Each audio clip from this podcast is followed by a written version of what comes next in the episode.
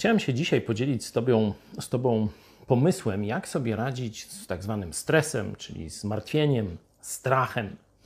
Często budujemy sobie taki obraz. Jest przed nami coś, co nas przeraża, e, jakąś, jakaś obawa i tak dalej. Myślimy, no tylko przeżyję to i już później będzie luzik, będę szczęśliwa czy szczęśliwy. Oczywiście wiemy dobrze, że to jest nieprawda.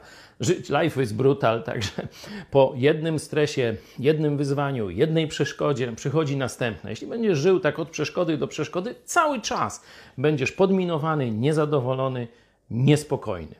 No, jest jeszcze większa głupota.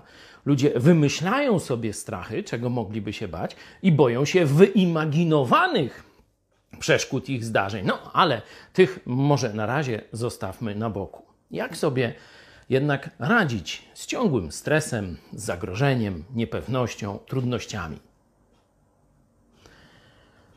Jest na to odpowiedź. Sam jesteś rzeczywiście bezradny, za słaby, za mały, za głupi, za taki, za śmaki, za owaki. Potrzebujesz pomocy.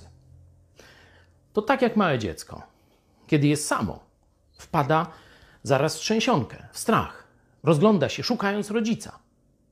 Najlepiej, żeby to był tata, szczególnie jeśli zagrożenie jest zewnętrzne. Jeśli tylko zobaczy tatę, jeśli poczuje jego rękę w swojej dłoni, no to już od razu rozpromienia się i czuje się bezpiecznie. Dorosły człowiek może zrobić to samo, nie oczywiście ze swoim ziemskim ojcem, ale ze swoim niebieskim ojcem. Dlatego Dawid, jeden z największych bohaterów swoich czasów, mówi: Choćbym nawet szedł ciemną, najciemniejszą doliną, nieważne jaki stres, zmartwienie, strach i tak dalej. Nie boję się.